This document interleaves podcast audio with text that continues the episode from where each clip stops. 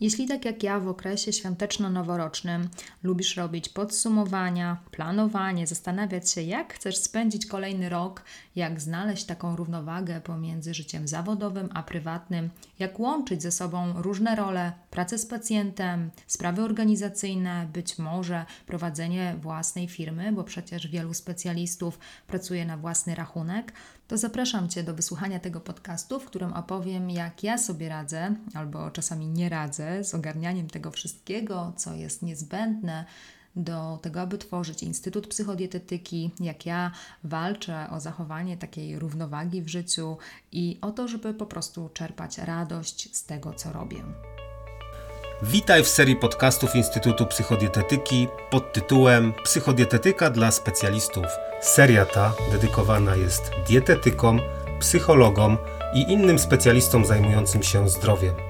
Zaprasza dr Anna Januszewicz.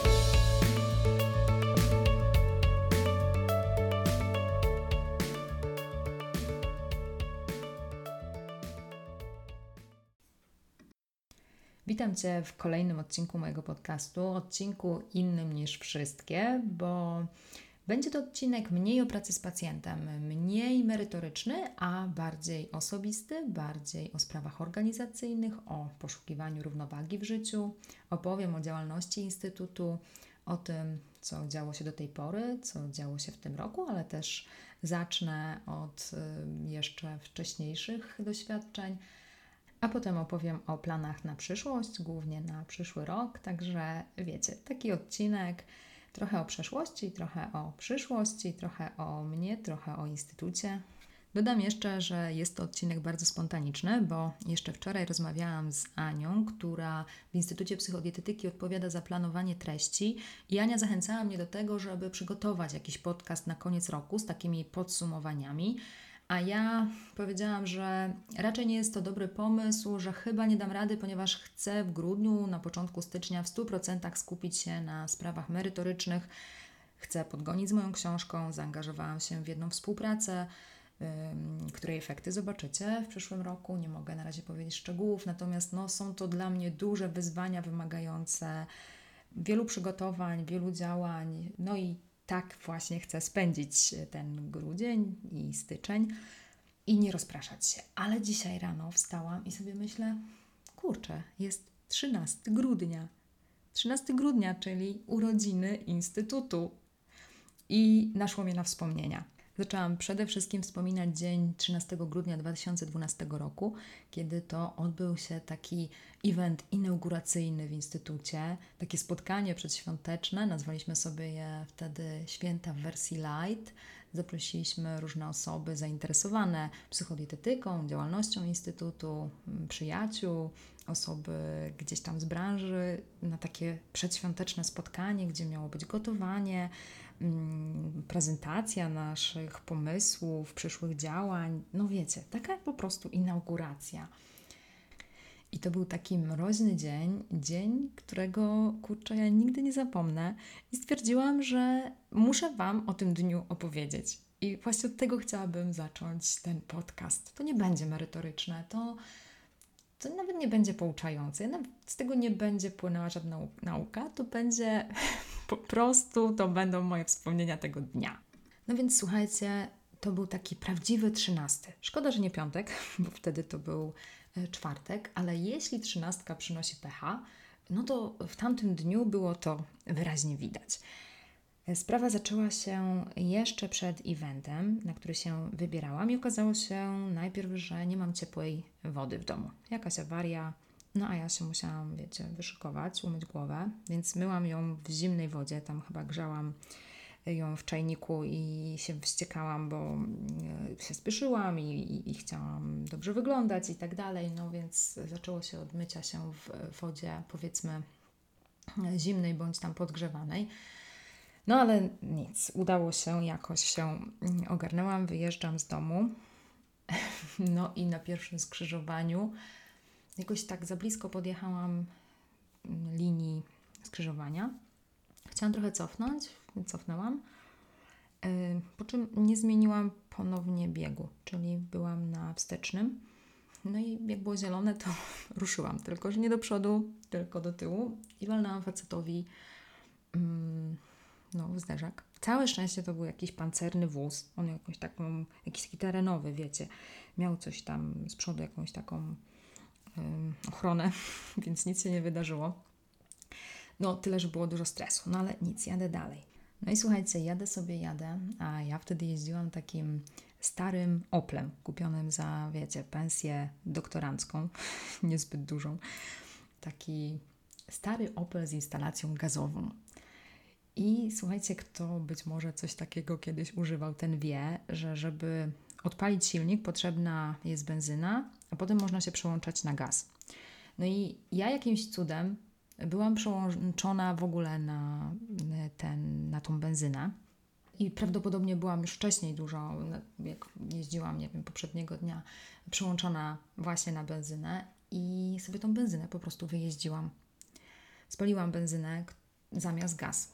E, no więc jak zobaczyłam, że mi się ta benzyna kończy, samochód zaczął mi po prostu odmawiać posłuszeństwa. Przełączyłam się szybko na e, gaz. No i jakoś dojechałam do instytutu, ale w zasadzie e, ten zbiornik paliwa został pusty.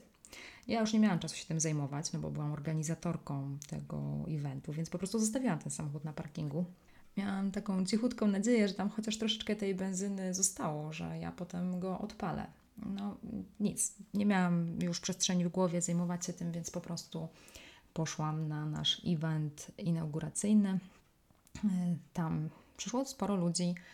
No, w sumie mm, to mnie bardzo cieszyło, że tak wiele osób nam kibicuje, że jest taka atmosfera. Mm, zaczęliśmy spotkanie, zaczęliśmy gotowanie. Natomiast jak tylko osoba, która prowadziła warsztaty kulinarne, włączyła chyba mikser czy blender, to w tym momencie wysadziło korki. A to była taka stara kamienica, w której byliśmy sami, w której ja jeszcze nie wiedziałam, co i jak jest. Wynajmowałam to miejsce, tam była pierwsza siedziba instytutu, no ale to wcale nie znaczy, że wiedziałam, gdzie w tym lokalu są bezpieczniki. Także w momencie, kiedy zrobiło się ciemno, za chwilę zimno, Zaczęło się poszukiwanie, gdzie te bezpieczniki mogą być, bieganie po tych różnych gabinetach, piętrach, po ciemku. E, no więc już było bardzo wesoło, pełno gości, wiecie, ja chciałam, żeby dobrze wyszło, a wyszło jak zawsze. No i jest, w końcu się udało tam jednemu koledze znaleźć te bezpieczniki, włączył je. No i co w tym momencie? Włączył się alarm. Prawdopodobnie to włączanie i wyłączanie prądu po prostu uruchomiło ten alarm. A ponieważ ja tego alarmu wcześniej nie używałam, to zresztą były moje początki w tym lokalu, to nie wiedziałam, jak mam go wyłączyć. Gdzieś mi się przypomniało, że ja dostałam kod od alarmu i całe szczęście, że jestem chomikiem i że różne rzeczy noszę w torebce, to też dotarłam do e, tego kodu. No ale to wszystko trwało. Za ten czas wszyscy goście zatykali uszy nerwowo, biegali y, po lokalu, szukając jakiegoś rozwiązania, chcąc pomóc, no ale w zasadzie no tylko ten kod do alarmu mógł nas tutaj y, uratować. Y, udało się sytuację opanować. Udało mi się uciszyć alarm, udało mi się włączyć prąd. Dodam, że tam jeszcze było ogrzewanie na prąd, więc przez te pół godziny, kiedy to wszystko nie działało, zrobiło się naprawdę chłodno. Aż jestem zdziwiona, że tak szybko e, lokal może się wychłodzić, kiedy się wyłączy ogrzewanie. No i tak właśnie tam było. Także siedzieliśmy potem już w kurtkach, e, kontynuowaliśmy nasze spotkanie. Atmosfera już była taka bardzo rozluźniona, że tak powiem. Nie powiem, że nie miła, bo wszyscy reagowali bardzo tak wspierająco, no ale możecie sobie wyobrazić, jak ja jako gospodyni tego spotkania się stresowałam. Ciąg dalszy tego spotkania nie obył się bez przeszkód, bo dalej przy włączaniu jakichś dodatkowych sprzętów te korki wywalało, także włączaliśmy to, no ale w pewnym momencie siedzieliśmy w ogóle przy świeczkach, żeby nie obciążać nadmiernie tej instalacji. No i takie to były początki. No ale musicie przyznać, że było bardzo romantycznie, skoro przy świeczkach, nie powiem, nie powiem, bo miało to swój urok, ale nie zapomnę tego dnia, nie zapomnę, nie tak sobie to wyobrażałam, więc były to takie e, trudne, mogę powiedzieć dzisiaj dobrego początki, ale naprawdę trudne. Chociaż Zaczęłam tą opowieść od tego, że skończyła mi się benzyna, kiedy jechałam do instytutu, więc możecie się domyślać, jaki był ciąg dalszy. Kiedy już po całym evencie wróciłam do samochodu z moją praktykantką zresztą, którą chciałam podwieźć do domu, okazało się, że y, nie odpala mój samochód, nie ma tej benzyny. Trzeba mu ją dowieść.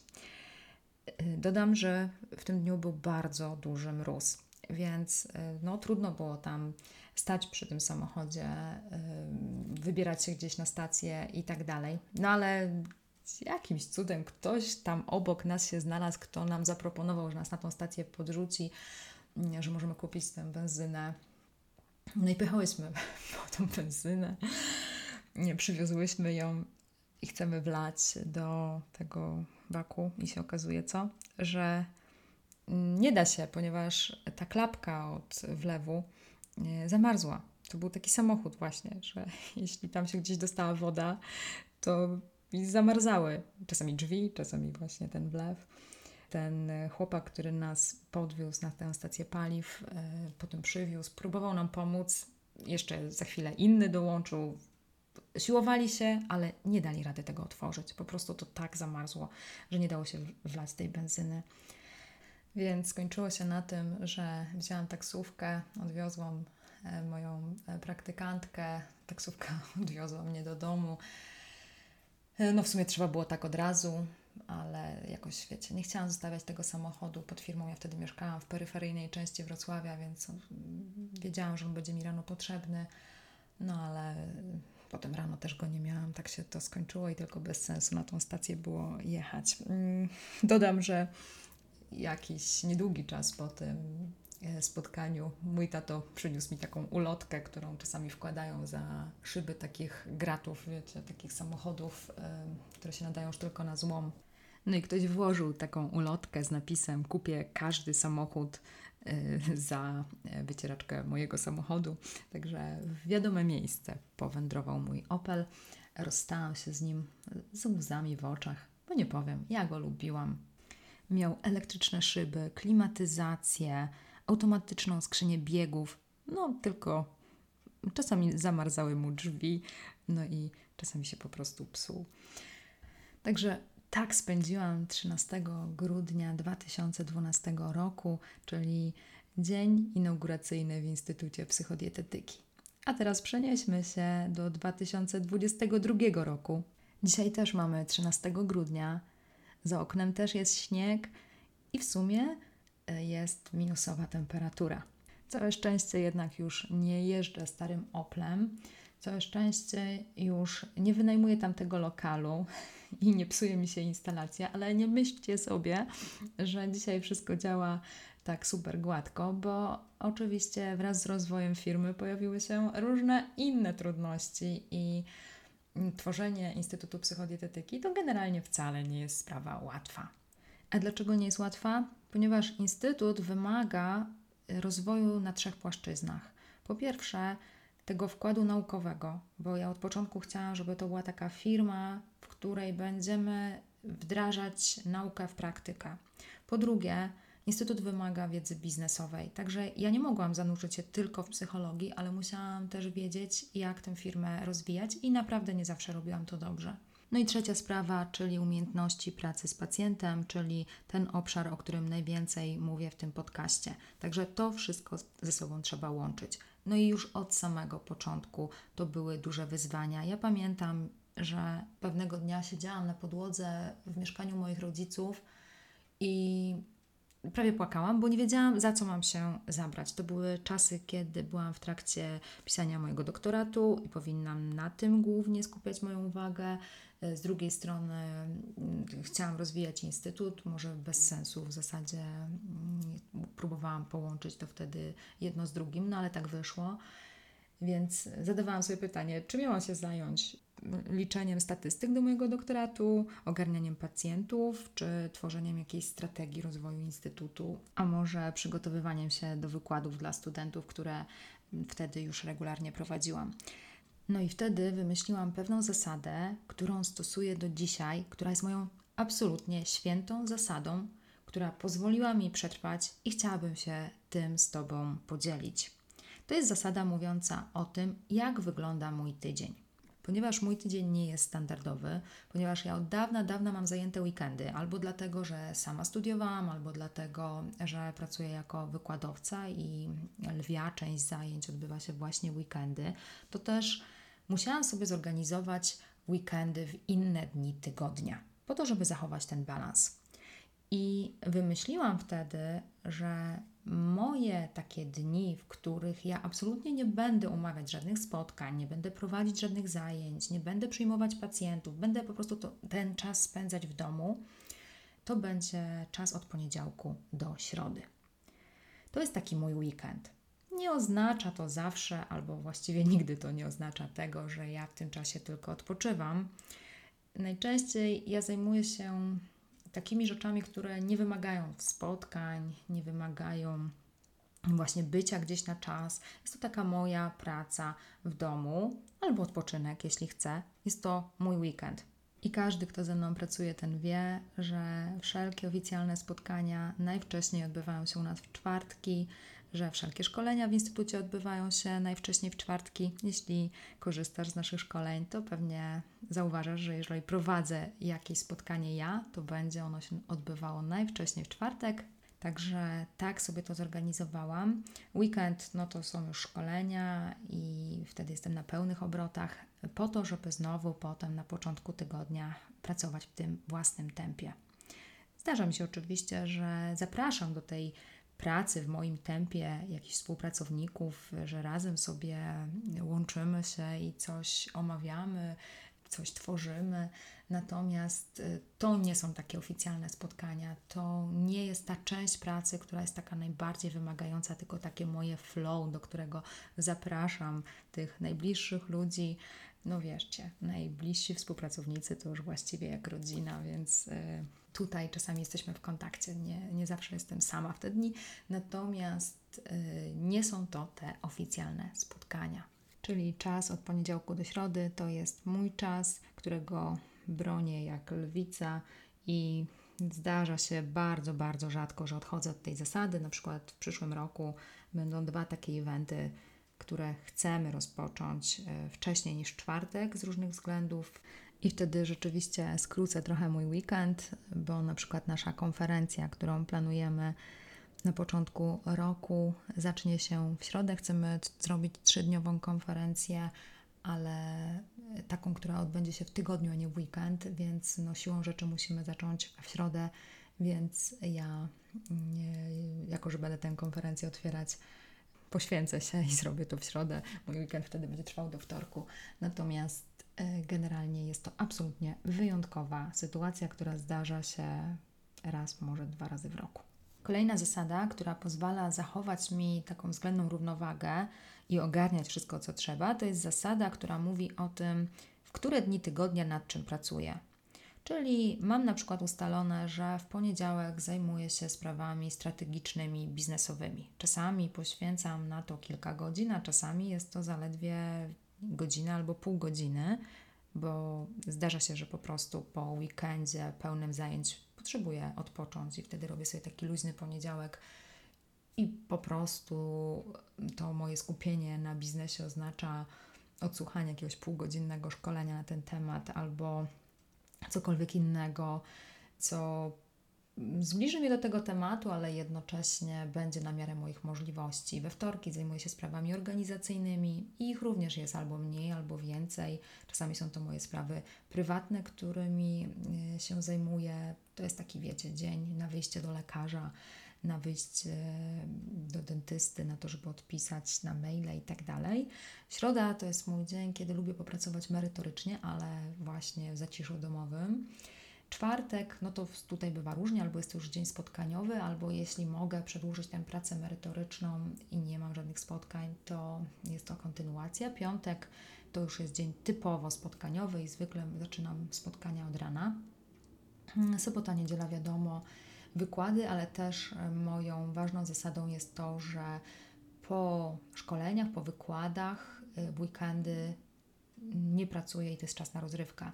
To jest czas na spotkania rodzinne, to jest czas na wyjście do kina, to jest czas na to, żeby wcześniej pójść spać. Już tam nie planuję żadnej aktywności intelektualnej, nawet tej ulubionej, nawet tej, która normalnie by mnie nie męczyła, taka jak na przykład pisanie książki, czy właśnie te spotkania biznesowe, to ja przecież uwielbiam.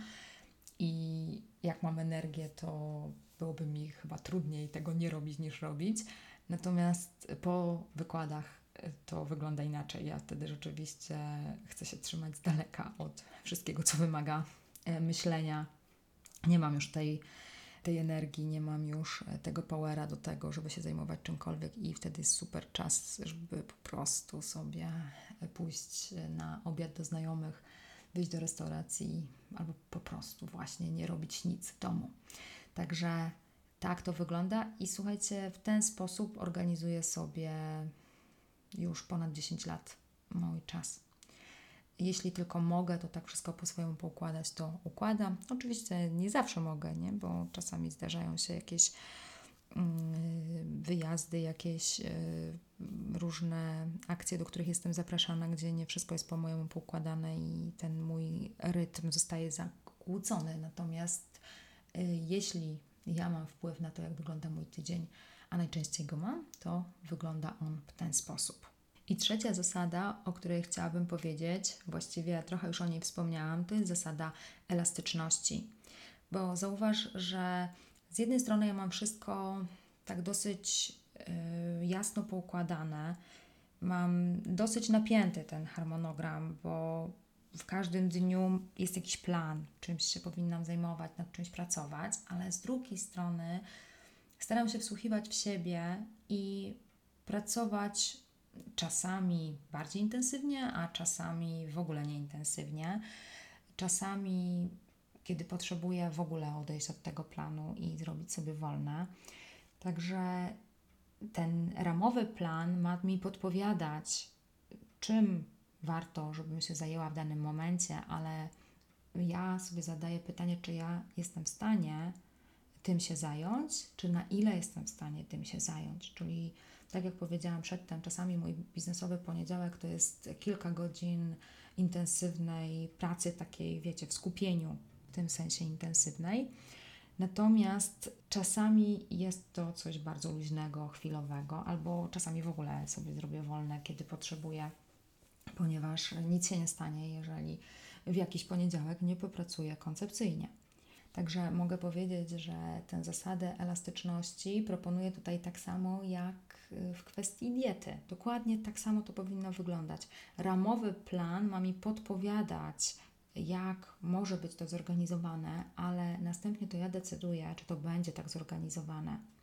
Czyli tak samo można by powiedzieć, jeżeli zaproponujemy pacjentowi jadłospis, to powinien być on przedstawiony jako ramowy plan, który powinien go prowadzić, ale jeśli z jakiegoś względu będzie chciał on pójść inną drogą, będzie chciał zwolnić, to może to zrobić i powinien ten plan dostosować do siebie. Ja tak właśnie do tego podchodzę i to mi się bardzo, bardzo sprawdza. Dzięki temu ta moja praca mnie nie męczy. Chociaż muszę przyznać, że zdarza mi się w ogóle chęć odejścia od wszelkich planów i zrobienia sobie wszystkiego odwrotnie. Też tak czasami mam, że mnie ten mój rytm już trochę zmęczy i ja sobie wtedy robię jakiś, nie wiem, tydzień zupełnie w innym schemacie. Na przykład ostatnio nagrywałam szkolenie i się tak w to wkręciłam, że po prostu od poniedziałku do piątku zajmowałam się tylko tym i w piątek pojawiałam się tylko na najważniejszych spotkaniach. Inny przykład to będzie najbliższa przerwa świąteczna, podczas której nie będę miała żadnych zajęć ze studentami, żadnych spotkań i wtedy też odejdę od mojego schematu, zanurzę się w pracy nad książką, zanurzę się w pracy nad tym projektem, o którym wspominałam na początku. Także będzie to taki inny czas. No i dobrze, bo ta różnorodność, to oderwanie się często jest potrzebne po to, żeby po nowym roku z chęcią wrócić do mojego rytmu, do mojego schematu. Kolejna rzecz, która pomaga mi ogarniać wszystko to, co ogarniam, to to, że pracuję zdalnie. Od czasu pandemii tak się zadziało, że zajęcia prowadzę zdalnie, pacjentów konsultuję zdalnie, ze współpracownikami spotykam się zdalnie. i bardzo jest mi to na rękę. Naprawdę ja dzięki temu ogarniam dużo więcej rzeczy, nie tracę czasu na dojazdy. Jest to też bardziej dostosowane do mojego poziomu reaktywności, introwertyzmu. Także naprawdę jest y, to coś dla mnie i ja po pandemii nie wróciłam do pracy stacjonarnej i nie zamierzam wracać. Oczywiście fajnie jest od czasu do czasu się spotkać, natomiast generalnie praca zdalna bardzo mi odpowiada, także ja dzięki temu widzę, że robię dużo więcej, bardzo mi to e, służy. No i ostatnia rzecz, na której chciałam się skupić, to kwestia łączenia ze sobą działań o różnym charakterze, ale na jeden temat.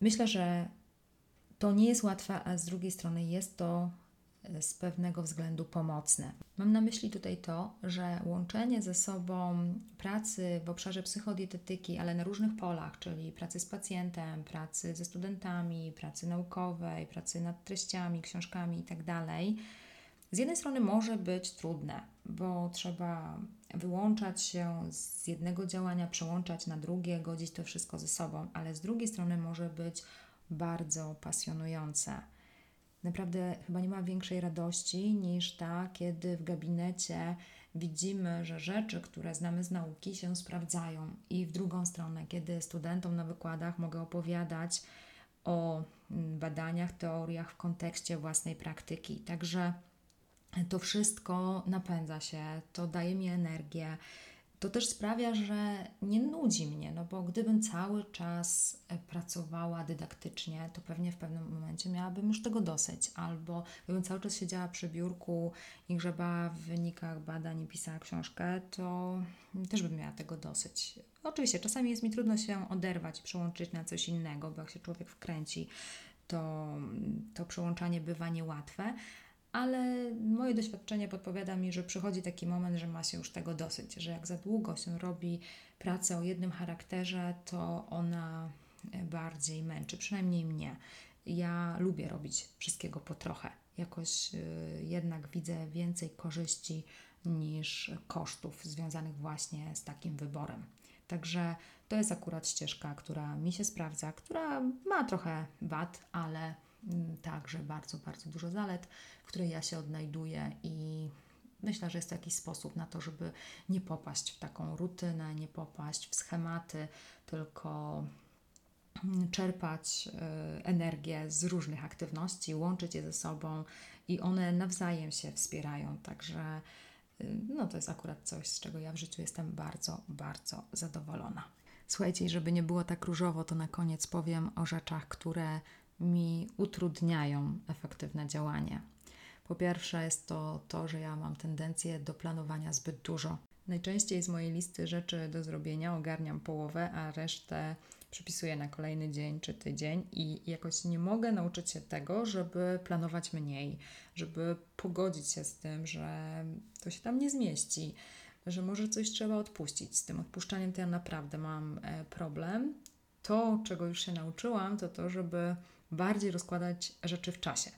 Rzeczywiście to już mi zaczęło wychodzić i przez to żyję spokojniej i częściej się wyrabiam z tym wszystkim, co mam do zrobienia. Czyli na przykład nie pozwalam sobie na to, żeby rozpocząć szkołę psychoterapii, na którą mam wielką ochotę, zanim pewne rzeczy w instytucie nie zostaną zautomatyzowane, zanim nie rozwinę pod kątem biznesowym instytutu do pewnego poziomu, który sobie założyłam. Także szkoła psychoterapii kusi mnie bardzo i nie tyle ją odpuszczam sobie w głowie, co przesuwam.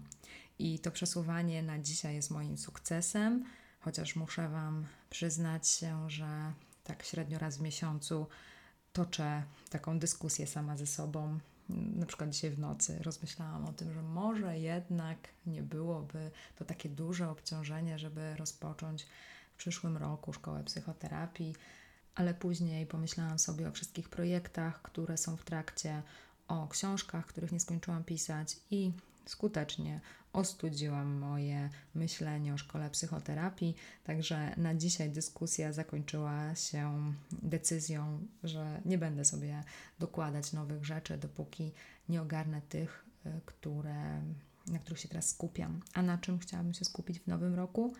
Przede wszystkim na tym, żeby ulepszyć jeszcze projekty, które ruszyły w tamtym roku, na przykład naszą Akademię Pracy z Pacjentem. Odbędzie się druga edycja, nieco zmodyfikuję jej program. Szczegóły przedstawię Wam wkrótce. Przypomnę, co takie nasze szkolenie od A do Z, gdzie uczę mojego warsztatu pracy z pacjentem. Będzie organizowana też kolejna edycja stażu szkoleniowego. No i nowość, program mentoringowy. To też będzie wymagało ode mnie pokładów energii, zaangażowania, więc y, chcę jak najbardziej skupić się na rozwijaniu tego projektu. Y, będziemy organizować też różne eventy, takie jak konferencje. Nagrałam kilka nowych szkoleń, które też jeszcze nie ujrzały światła dziennego i będziemy je promować w przyszłym roku. Także chcę, tak myślę sobie, że mogę to tak podsumować, chcę przede wszystkim kontynuować projekty, w trakcie których jestem. No i oczywiście tutaj też moja książka, którą piszę z dwiema wspaniałymi dziewczynami, które zajmują się psychologią zdrowia, medycyną. Także myślę, że fajna rzecz nam z tego wyjdzie. Ma być to taki poradnik dla e, specjalistów. E, trzeba w końcu to skończyć. Także właśnie, dla mnie 2023 rok będzie głównie pod hasłem dokończ to, co zaczęłaś w 2022, bo już w 2022 było dużo nowości, takich jak właśnie Akademia Pracy z Pacjentem, jak nowa edycja stażu szkoleniowego, jak rozpoczęcie pisania tego, y, tego poradnika dla specjalistów. Także trzeba to pokończyć. No, plus nowe projekty takie jak mentoring y, czy nowe szkolenia, które się ukażą. Także Cóż, mogę na koniec zachęcić Cię do tego, żeby śledzić działalność Instytutu i zobaczyć, jak to wszystko wyjdzie. Mam nadzieję, że tak jak powiedziałam, tak zrobię, że wszystko, co planuję, yy, zrealizuję. No a jeśli nie, to będę pamiętać o elastyczności i o tym, żeby podchodzić do siebie yy, łagodnie i żeby pamiętać, że jesteśmy tylko ludźmi i że plany też można zmieniać. I z tą myślą chciałabym mm, Cię zostawić, życząc Ci wszystkiego dobrego w nowym roku, znalezienia balansu, równowagi, realizacji celów w takim rytmie, który odpowiada Tobie, w takim tempie e, i z uśmiechem na ustach, z poczuciem szczęścia i spełnienia.